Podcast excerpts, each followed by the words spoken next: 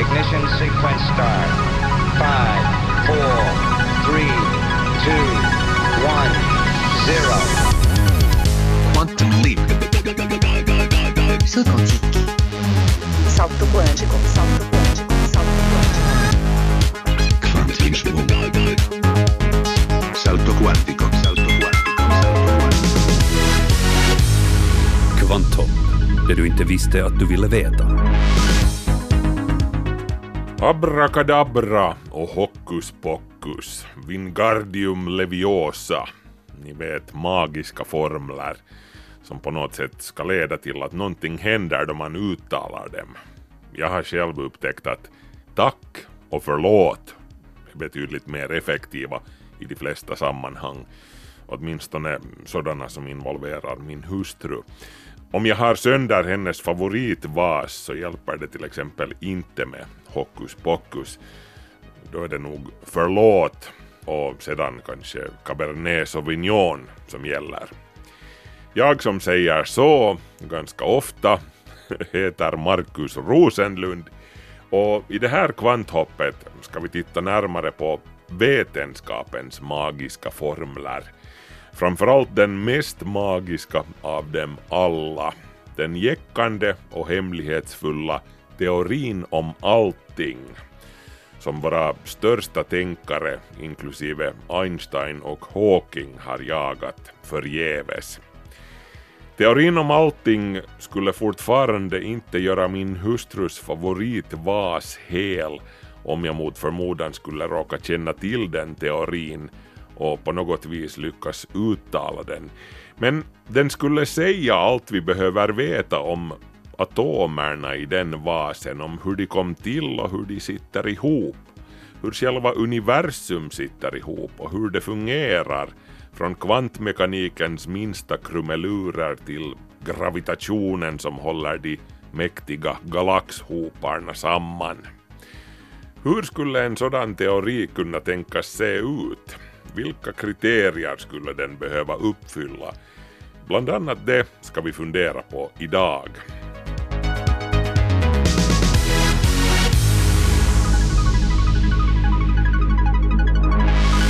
Inga småfrågor i kvanthopp idag alltså. Vi värmer upp geniknölarna med notiserna. Det här är en Svenska Yle-podd.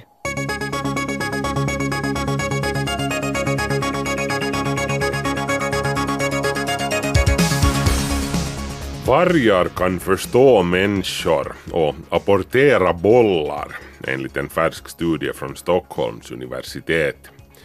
Den rådande uppfattningen har länge varit att den här kognitiva förmågan uppstod först hos hundarna sedan de blev tama för minst 15 000 år sedan.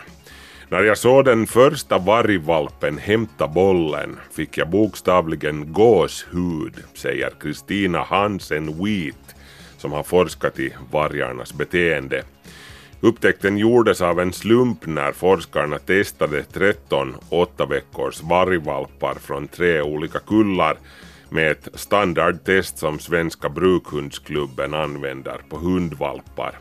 Ingen av forskarna hade förväntat sig att vargvalparna skulle reagera då man kastade bollar.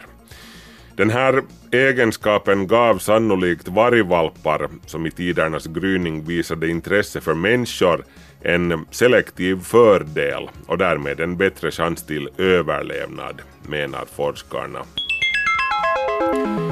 Den här veckan hade det gått exakt 20 år sedan SD-kortet först såg dagens ljus. SD står för Secure Digital och kom till som ett samarbete mellan Sandisk, Panasonic och Matsushita. Avsikten var att rensa upp i den snåriga djungel av ett halvdussin olika minneskortsformat som på den tiden existerade på marknaden. Det lilla frimärksstora minneskortet sitter numera i 90 procent av alla digitalkameror och andra mackapärer som utnyttjar minneskort. SD-kortet må ha bibehållit sina yttre mått och sitt utseende men mycket har hänt beträffande dess kapacitet.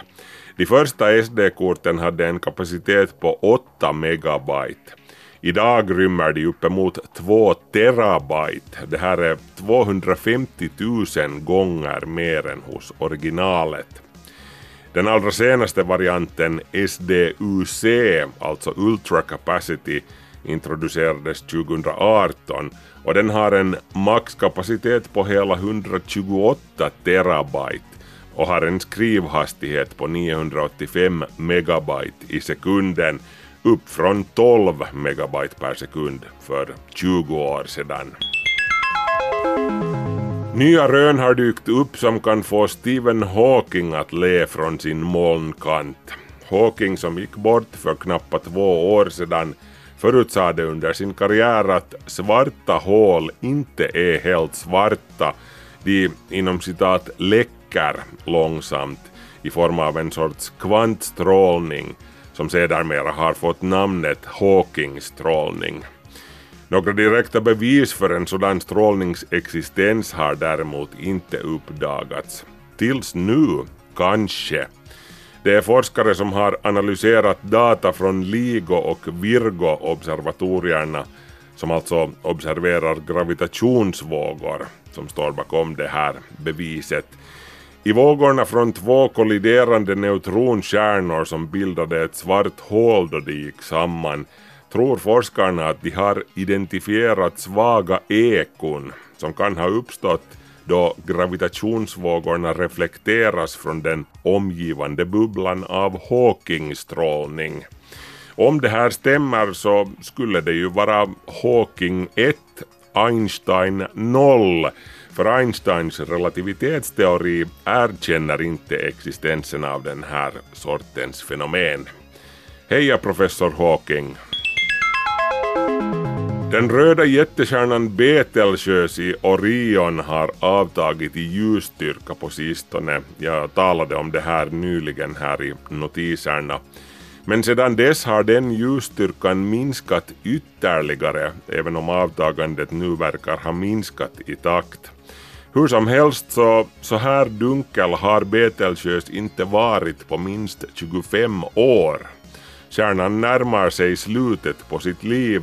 Den kommer inom den relativt nära framtiden att explodera som en supernova, men forskarna tror inte nödvändigtvis att det här senaste avvikande beteendet förebådar en nära förestående explosion. Det har snarare antagligen att göra med täta moln av gas som Betelgeuse ger ifrån sig som får det hela att se ut som att ljusstyrkan avtar. Sedan när Betelgeuse exploderar, vilket alltså kan ske i princip när som helst men sannolikt inom de kommande några tusen åren, så kommer det att bli en rejäl ljusshow här på jorden. Betelgeuse supernovan kommer att lysa ungefär lika starkt som fullmånen, eller rent av starkare, i några månader.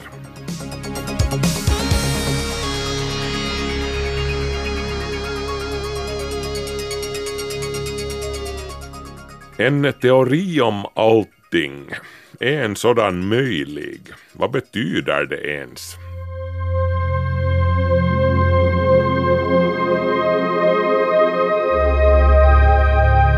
Om jag fick en euro för varje heliga graal som varje genre tycks ha, också inom vetenskapen, så kunde jag dra mig tillbaka med en fet pension.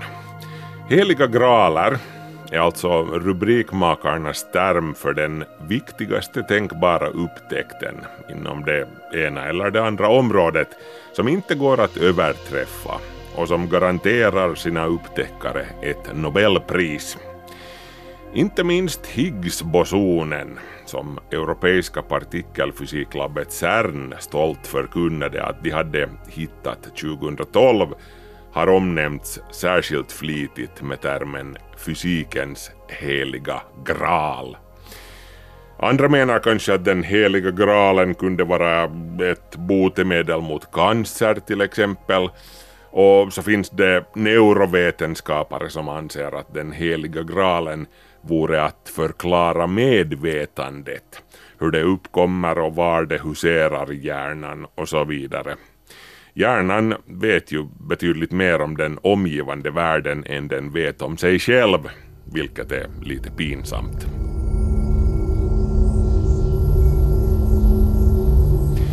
Men framförallt så finns det en helig graal som enligt väldigt många skulle sätta punkt för allt snack om vad som egentligen kvalificerar som en helig graal.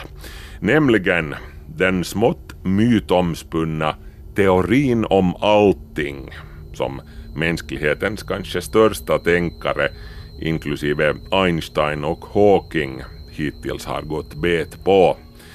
Heligare och graligare än så blir det helt enkelt inte.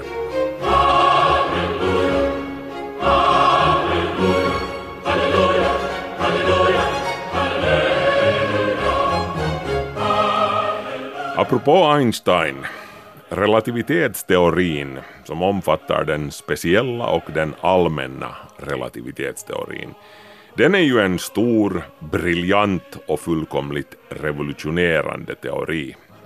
Den kastade mer eller mindre ut allt som vi trodde att vi visste om universum genom fönstret då den publicerades i början av 1900-talet. Relativitetsteorin talar till oss om tid och rum, om gravitationen, om ljuset vars hastighet tycks vara det enda beständiga i universum där allt annat är töjbart. Den är teorin om det riktigt stora, men den manifesterar sig också i det lilla. Utan relativitetsteorin skulle våra GPS-satelliter, våra mobiltelefoner och TV-apparater med mera, med mera inte fungera. Men en helig graal är relativitetsteorin inte. Den är inte komplett. Lika lite som den andra stora teorin som beskriver universum och dess fenomen, kvantmekaniken. Också den är fullkomligt briljant, även om Einstein tenderade att betrakta den som suspekt, minst sagt. Det där med att Gud minsann inte spelar tärning med universum, ni vet. Kvantmekaniken med pionjärer som Planck, Bohr och Heisenberg och de övriga i spetsen är teorin om det riktigt lilla, om atomernas inre liv. Men den verkar också i det stora. Kvantmekaniska processer ligger bakom kraften som verkar i kärnornas hjärtan och får dem att producera energi och lysa. Också saker mittemellan kärnor och atomer styrs av kvantmekaniken. Din dator till exempel, och din brödrost. Faktum är att det var just det här syftet som kvantmekaniken ursprungligen utvecklades för. Att förklara varför riktigt heta saker glöder med ett rött sken. Men återigen, en teori om allting är kvantmekaniken inte. Lika lite som Newtons rörelselagar var det i sin tid, även om de lade grunden för den klassiska mekaniken och allt det där, och även om de fortfarande går att tillämpa på en mängd praktiska saker, bilar, flygplan, rymdfarkoster, hammaren som närmar sig tummen, kort sagt allt som rör på sig, utom ljuset kanske, gör det enligt principer som Newtons lagar kan förklara. Isaac Newtons banbrytande bok Philosophiae Naturalis Principia Mathematica var faktiskt sin tids teori om allting då den gavs ut 1687. Många var övertygade om att Newton hade lyckats förklara allt som överhuvudtaget gick att förklara. Men Newton själv visste redan då att det fanns hål i hans resonemang. Newtons teori om tyngdlagen förklarade till exempel inte hur små objekt höll sig samman. Gravitationen funkar inte på, på en så liten skala, åtminstone inte värst effektivt. Och så har vi det pinsamma exemplet med planeten Merkurius som i motsats till de övriga planeterna betedde sig konstigt och vars bana inte tycktes gå att beskriva med Newtons lagar. Merkurius omloppsbana förblev ett mysterium ända tills Albert Einstein kom och löste problemet med sin allmänna relativitetsteori två sekler senare. Den förklarade hur solen med sin massiva gravitation förvränger rumtiden i sin nära omgivning på ett sätt som gör det hopplöst att försöka förutse planetens rörelser, åtminstone med klassiska redskap. Däremot tillämpar man Einsteins ekvationer på det hela så är det inget problem att förutse var Merkurius kommer att dyka upp vid ett givet ögonblick.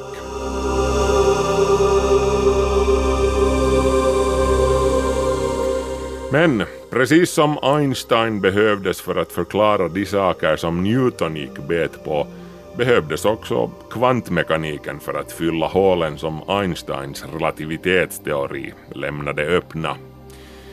Ändå måste en teori om allting omfatta relativitetsteorin, men den behöver också ha i sig kvantmekaniken. Och det är just här som problemet ligger. För låt oss vara riktigt ärliga, de två hatar varandra. Placeras de vid samma bord så börjar de kasta glas och bestick på varandra, så att säga. Till exempel då det kommer till exemplet med svarta hål. Svarta hål är massiva kroppar, så de hör till relativitetsteorins domäner. Å andra sidan är de otroligt små och kompakta, så de hör också till kvantmekanikens domäner.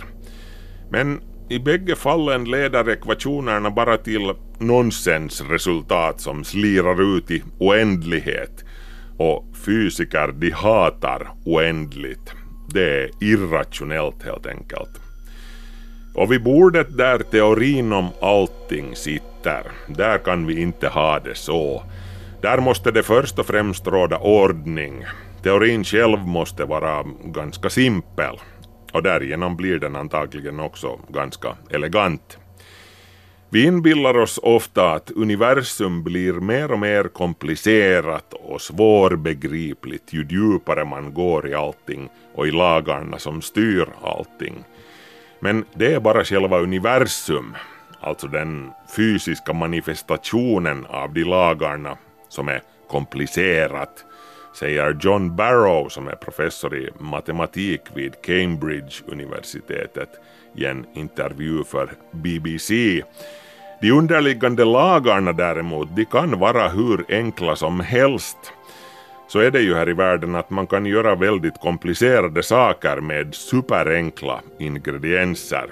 Kolla nu vad man kan göra med vanligt vete till exempel.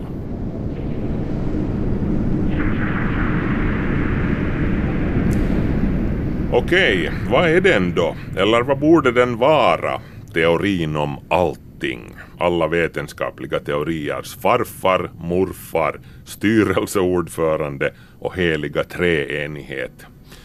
Eller ska vi säga heliga fyrenighet. För teorin om allting borde åtminstone omfatta fyra stora helheter. De fyra fundamentala naturkrafterna som ingår i den nuvarande så kallade standardmodellen. Krafterna som bokstavligen utgör klistret i världsalltets samtliga fogar och allt som finns här, inklusive stjärnorna, planeterna, fiskmåsarna och dig och mig. Tänk på de fundamentala naturkrafterna som verklighetens version av Luke Skywalker som lyfter en stor sten genom att sluta ögonen och peka på den med handen eller någonting. Fast verklighetens The Force är mycket coolare om man frågar mig. Lystra till nu, det här handlar inte om abstrakta siffror och matematiska symboler i en fysiknörds anteckningsblock. Det här handlar om saker och ting som finns i varje atom i din kropp. Och de är i ingen särskild ordning. 1. Elektromagnetismen. Elektriciteten och magnetismen alltså. 2. Den starka växelverkan som håller ihop protonerna förmedlas av gluoner den starka växelverkan är alltså kraften bakom kärnkraften bland annat och atombomberna också. 3. Den svaga växelverkan orsakar radioaktivt sönderfall förmedlas av W och Z-bosonerna. Och nummer 4. Gravitationen, eller tyngdkraften. Vissa anser ju att silvertejpen borde räknas som den femte fundamentala grundkraften men de här rösterna har hittills ignorerats. Skämt åsido, en trovärdig teori om allting skulle som ett absolut minimum behöva slå fast en gång för alla vad grejen egentligen är med den sistnämnda i den här kvartetten, gravitationen, som enligt många varken är fågel eller fisk. Vi vet uppseendeväckande lite om gravitationen, nästan lika lite som om hjärnan och hur den förmedlas, gravitationen alltså, trots att våra skarpaste tänkare från Newton till Einstein har ägnat sina karriärer åt att förklara den.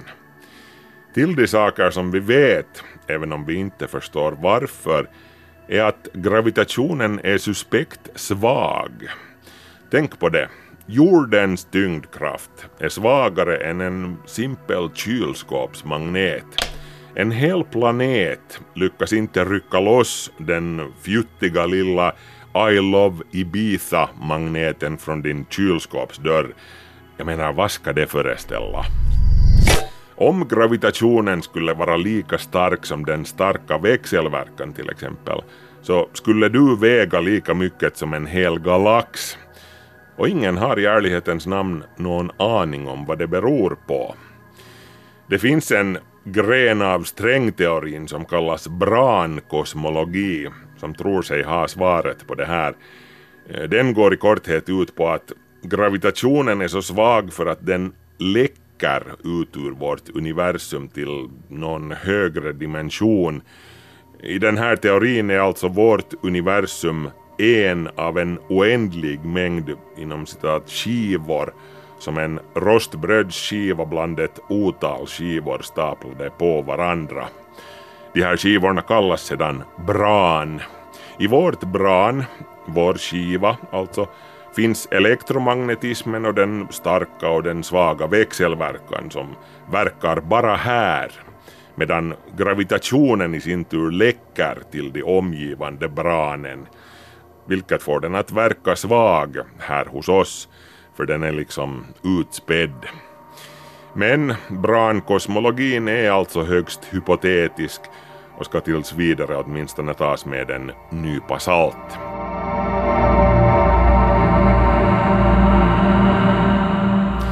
Nåja, hur som helst, standardmodellen inom partikelfysiken som innehåller elektromagnetismen, den starka och den svaga växelverkan samt gravitationen är för närvarande vår bästa modell för hur saker och ting sitter ihop, hur allting samverkar med allt annat.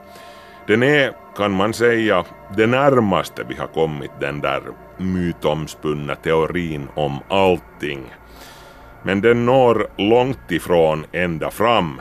Den är rent ut sagt en salig röra. Den är hafsigt hopspikad. Den saknar elegans.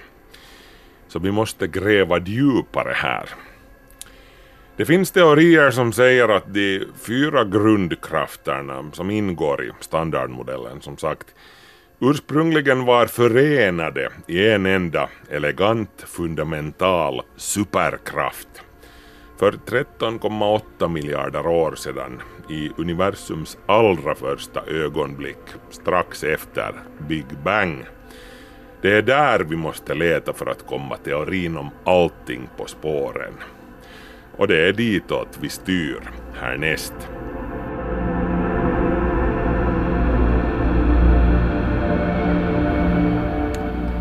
Stunden i universums allra tidigaste barndom med One Force to rule them all kallas Planck-epoken. Det här är före fysikens nuvarande lagar trädde i kraft, före atomerna, partiklarna och allt det där. Planck-epoken är det laglösa landet där sheriffen Einsteins auktoritet inte erkänns och relativiteten tycks bryta samman fullkomligt. Allt i plankepoken, inklusive tid och rum, är bara naken, otyglad, absurt koncentrerad energi. Plankepoken pågår i en bråkdels bråkdels sekund och då menar jag verkligen bråkdels. Det roliga varar i 10 upphöjt till minus 43 sekunder. Det är alltså 0, kommatecken 43 nollor och en etta. Eh, jag gör ett desperat försök att sätta det i någon sorts perspektiv. Ta en veteatom, den minsta och enklaste av atomerna. Det tar en tredjedels attosekund för en ljusstråle att färdas en distans som motsvarar veteatomens genomskärning. En attosekund är alltså detsamma som en triljondels sekund. En triljon i sin tur är en etta fylld av 18 nollor. En attosekund förhåller sig till en sekund på samma sätt som en sekund förhåller sig till 37 miljarder år. Och plankepoken pågick alltså i en tid som är många storleksordningar kortare än en attosekund. Med tanke på det så kan ju någon betrakta det som lätt storhetsvansinnigt att beskriva plankepoken som en epok. Nåja, men å andra sidan, plankepoken omfattade ju hela universums ålder fram till dess, så kanske det inte är mer än rättvist. Dessutom så är tid ett lite besvärligt begrepp som inte kan tillämpas i alla sammanhang. Visst, man talar om tiden som den fjärde dimensionen, men ska vi vara ärliga så Tja, vetenskapen är inte ens helt och hållet överens om vad tiden egentligen är. Den är lite som medvetandet i det avseendet. Existerar tiden liksom ens som ett distinkt fenomen eller är den någonting sekundärt, en biprodukt av någonting annat som händer eller som uppstår vid behov? Emergent talar man om på engelska.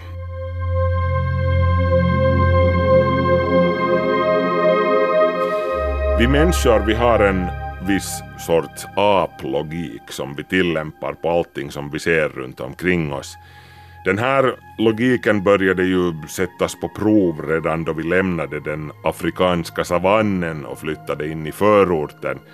Men riktigt rejält knakar den inför de här sakerna. Einstein och hans relativitetsteori till exempel. En timme är ju en timme, vad är det att snacka om liksom? Jag står stilla och Pelle springer. Det här är ju det gamla goda Newtonska sättet att se på saken som vi använder i våra vardagliga liv. Men i Einsteins värld, där funkar det inte så. Det enda som är beständigt där är ljusets hastighet i vakuum. Medan allt annat, inklusive tiden, är högst tänjbart och framförallt relativt. Därav namnet på teorin. I Einsteins värld är det inte alltid tåget som stannar vid stationen. Det kan lika väl vara stationen som stannar vid tåget. Något universellt nu och någon fast punkt existerar helt enkelt inte. Hur lång en sekund är för dig beror helt enkelt på hur fort du rör dig i förhållande till mig och vice versa. Men det här är ännu ingenting jämfört med de logiska vurpor som väntar vår aplogik då den ställs inför kvantmekaniken. Fullkomligt uppenbara saker som orsak och verkan ställs på ända. Det andra kan liksom leda till det ena. Och partiklar på ljusårs avstånd från varandra tycks inom citat veta exakt vad den andra gör i realtid. Einstein han fick för övrigt gråa hår av den här sortens jox. Ingen information kan färdas fortare än ljusets hastighet. Det är en av Einsteins heligaste principer. Så det är så.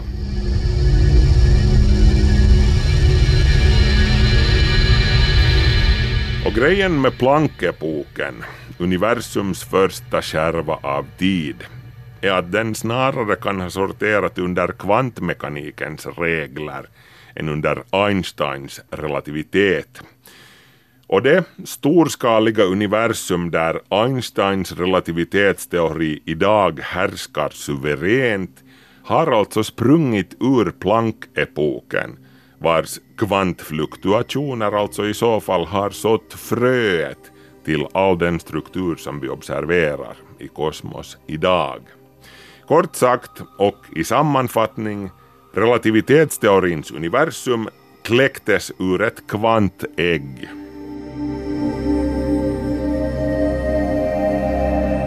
Nåja, eh, nu när det här är klart som korvspad, det är lugnt, forskarna är också mer eller mindre ute och cyklar med det här. Så rusar vi raskt vidare genom universums första ögonblick.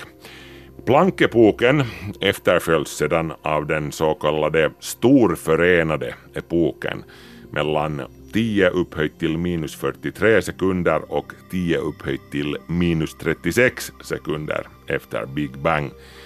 Det är nu som gravitationen separerar från de övriga tre krafterna när det rasande heta babyuniversumet svalnar en aning till uppfriskande 10 upphöjt till 28 Kelvin. En enda elementarpartikel antas ha existerat under den här tiden, Higgs-bosonen. Det är efter det här som det blir spännande helt på riktigt. Epoken som följer härnäst kallas den elektrosvaga epoken, som också den pågår under en bråkdels bråkdels bråkdels sekund från 10 upphöjt till minus 36 till 10 upphöjt till minus 23 sekunder efter Big Bang. Det är nu som den starka växelverkan skiljs åt från den svaga växelverkan och elektromagnetismen.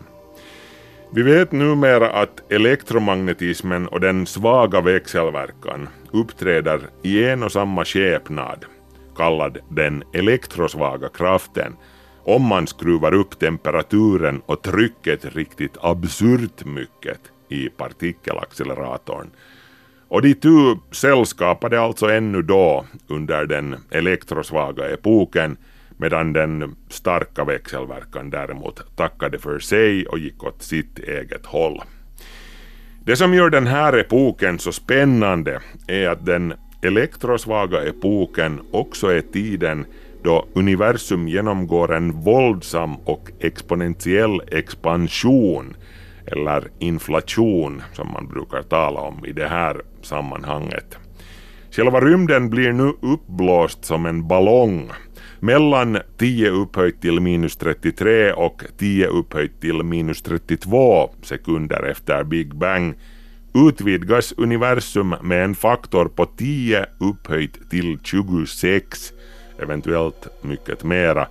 Utvidgningen bromsar därefter in lika fort som den accelererade. 10 upphöjt till 26, det här motsvarar för övrigt en bit bulldeg som jäser från storleken av en nanometer, alltså ungefär halva bredden av en DNA-molekyl, till en jättedeg som är närmare 11 ljusår tvärs över. 11 ljusår, det är lite mer än 62 triljoner kilometer. 62 med 18 nollor efter. Och allt det här sker alltså på en bråkdels, bråkdels, bråkdels sekund.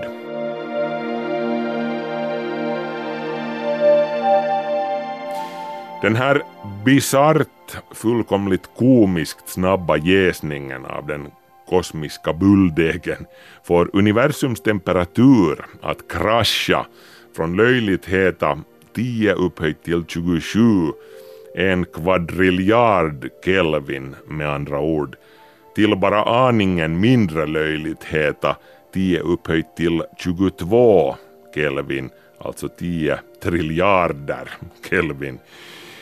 Ja, den här så kallade inflationsteorin om universums tidiga megautvidgning den dök först upp under det sena 70-talet och utvecklades vidare sen under 80-talet.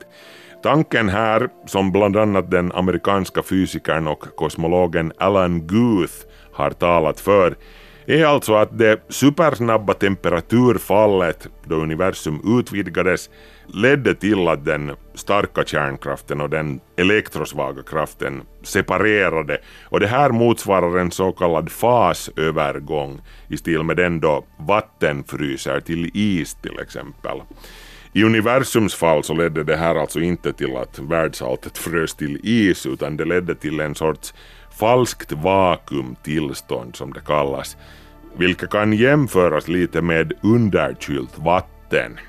Underkylt vatten är alltså då vattnets temperatur sjunker under smältpunkten utan att vattnet övergår i fast form, alltså fryser till is. Rent vatten kan vara underkylt men sen då det störs, till exempel då en droppe av underkylt vatten träffar din bils vindruta, så blixtfryser det. I samband med det här frigörs vattnets överskottsenergi också.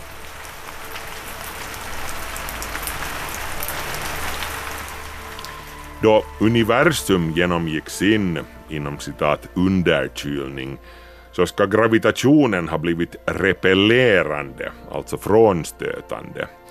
Med den följd att allting flög isär som den våldsammaste kosmiska nysning du kan föreställa dig upphöjt till tusen. Alltså just den här inflationsfasen som jag nämnde.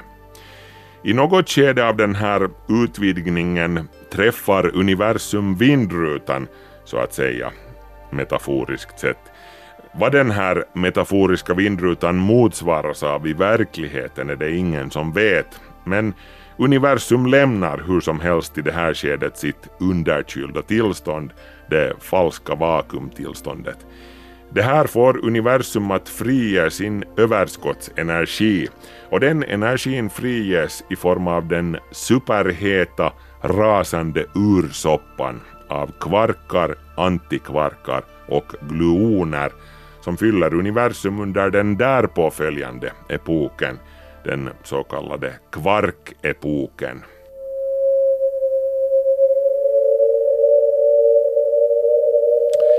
Hur vet vi för övrigt att en snabb och brutal inflationsfas de facto har ägt rum strax efter Big Bang?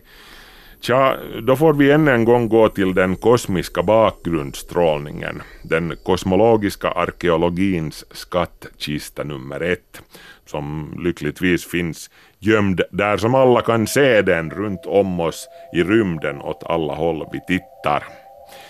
Att den kosmiska ballongen blåstes upp snabbt och brutalt i ett väldigt tidigt skede går bland annat att läsas ur det faktum att bakgrundsstrålningen är så slät åt alla håll som vi tittar.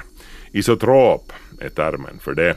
Universums temperatur i skuggan så att säga är densamma överallt dit Planck-teleskopet tittar. Cirka 3 Kelvin. Densitetsvariationerna är alltså väldigt små. De lokala skillnaderna avviker aldrig mer än en tiotusendel från medelvärdet. Och det här tyder på att allt sammans har varit i kontakt med allt annat i ett tidigt skede och plötsligt blåsts upp hiskeligt mycket.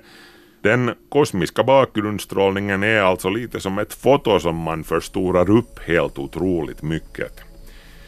Samtidigt så förklarar inflationsmodellen också de existerande storskaliga strukturerna i universum, galaxerna, galaxhoparna, superhoparna, hela den där glittrande spindelväven som tycks spänna över de kosmiska vidderna när man zoomar ut riktigt ordentligt. Hela det mönstret kommer från pyttesmå variationer på kvantskalan i det allra tidigaste universum. Som sagt, ett pyttelitet kvantfotografi som har förstorats upp nästan komiskt mycket.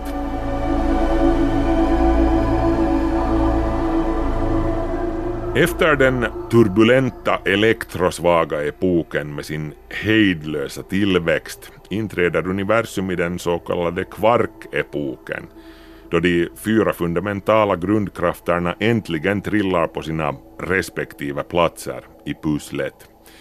Det är fortfarande så hett att allt det där som senare blir till atomer kokar i den rasande heta soppan som kallas kvarkgluonplasma. Universums temperatur och energi har, när vi kommer fram till det här skedet, till kvarkepoken, sjunkit så pass mycket att vi kan observera den sortens förhållanden direkt i världens största partikelkolliderare, CERNs Large Hadron Collider utanför Genève. Men vi snackar fortfarande alltså om mer än 10 biljoner Kelvin respektive mer än 100 megaelektronvolt. Närmare Big Bang än så här kommer vi hur som helst inte i laboratoriet ännu. Men LHC uppgraderas ju med jämna mellanrum till högre effekter och planer på nya, ännu kraftfullare partikelkolliderare förekommer också. Poängen med en partikelaccelerator som Large Hadron Collider är alltså just den här att man vill accelerera upp protoner till hastigheter som närmar sig ljusets och sedan krocka dem så att de bokstavligen flyger i småbitar i den våldsamma kollisionen som uppstår. Lite som att slå ihop två klockor så hårt som det går för att man ska kunna se vad de är gjorda av genom att analysera de här små kugghjulen som strittar omkring.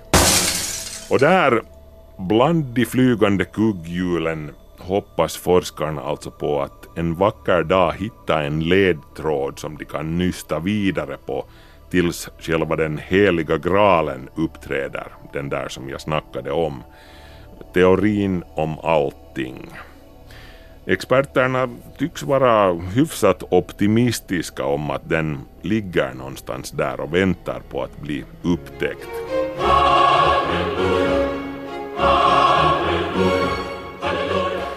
Det har alltså under årens lopp föreslagits en mängd olika teorier som gör anspråk på att beskriva de förenade fundamentala naturkrafterna stark växelverkan och elektrosvag växelverkan till en enda växelverkan kallad den storförenade teorin, GUT eller Grand Unified Theory. Kravet är då naturligtvis att den ska vara överensstämmande med verkligheten, bevisligen. Ingen föreslagen teori har ännu uppfyllt de här kraven. Strängteorin, jag tittar på dig. Och en storförenad teori saknar hur som helst ännu den där sista avgörande pusselbiten, gravitationens pusselbit. Vilket alltså är kravet om den dessutom vill göra anspråk på statusen som teorin om allting. Alla de fyra stora fundamentala krafterna behöver förenas på samma familjeporträtt, precis som de var under Planck-epoken i det första ögonblicket efter Big Bang.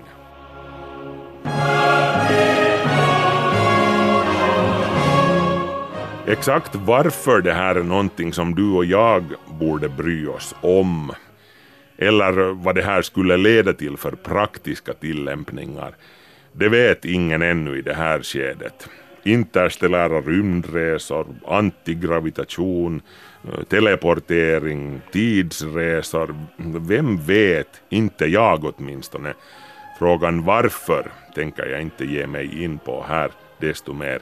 Vetenskapen befattar sig sällan heller med varför, det är hur som är det viktiga. Vägen till den eventuella teorin om allting är grundforskning i dess allra renaste form. Det är sedan upp till nästa generation av forskare att tillämpa all ny kunskap. Om vi någonsin når dit, vilket är ett ganska stort om i det här skedet.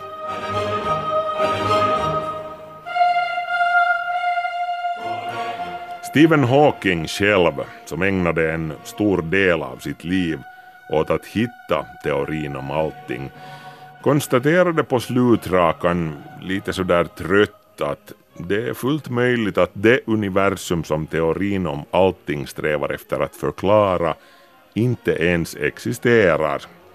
Det kan vara, konstaterade Hawking i en artikel i Scientific American 2010, att universum har flera olika manifestationer som alla kräver sina respektive teorier för att kunna beskrivas.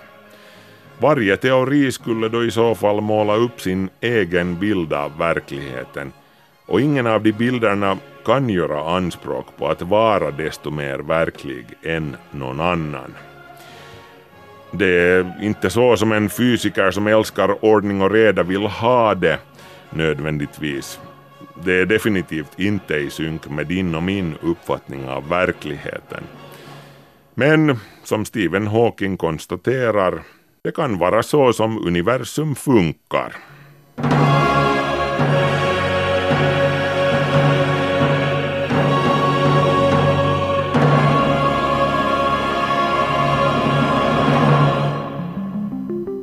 Kvanthopp. Det du inte visste att du ville veta. Och med det börjar det vara dags att avrunda kvanthopp för den här gången. Kom ihåg att tvätta händerna och också i övrigt använda sunt förnuft nu då alla världens influensabobbor är i farten. Det gamla elaka A-viruset är faktiskt fortfarande elakare än nymodigheter som det kinesiska coronaviruset som ju naturligtvis inte ska underskattas det heller.